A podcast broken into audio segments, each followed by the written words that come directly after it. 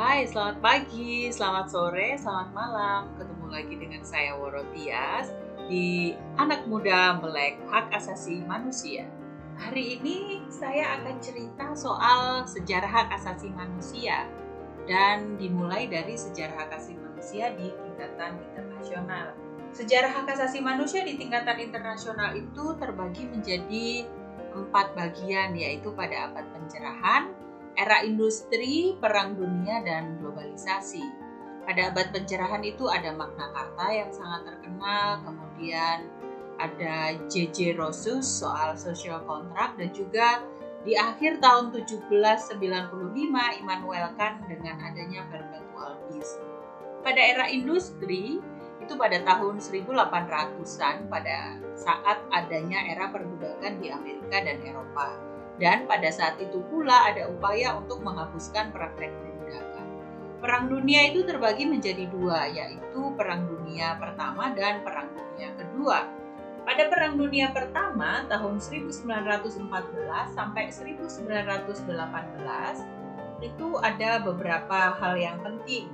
Salah satunya adalah adanya fasis di Italia dan itu terjadi pada tahun 1922 sampai tahun 1943.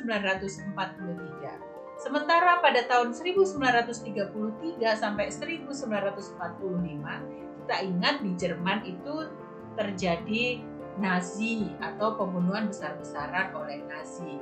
Kemudian pada Perang Dunia Kedua tahun 1945 itu berdirinya United Nation.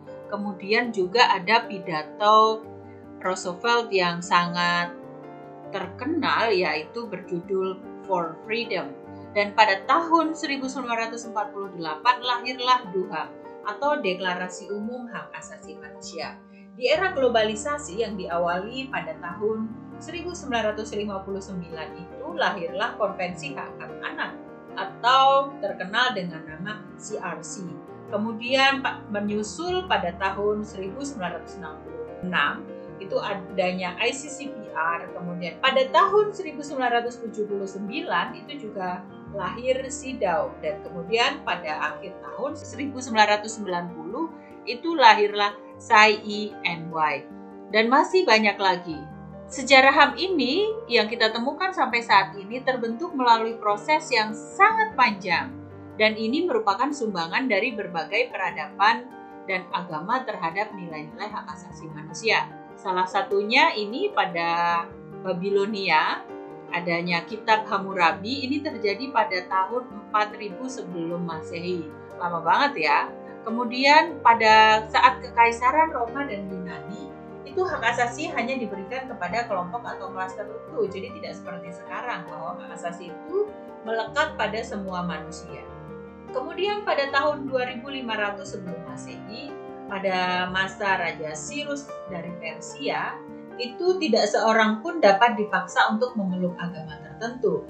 Kemudian pada peradaban-peradaban selanjutnya itu ada larangan atau kewajiban di semua agama tentang rumusan hak. Dan tadi kalau kita belajar, bukan belajar ya, kalau tadi saya cerita soal Magna Carta yang terjadi pada tahun 1215, itu adalah sebuah konstitusi yang membatasi kekuasaan raja. Kalau zaman-zaman dulu itu kan raja itu mempunyai kekuasaan yang mutlak dan tidak terbatas. Kemudian pada tahun 1679 habeas corpus act tadi itu hak untuk memiliki dasar hukum bagi suatu penahanan yang juga harus segera diuji di depan pengadilan.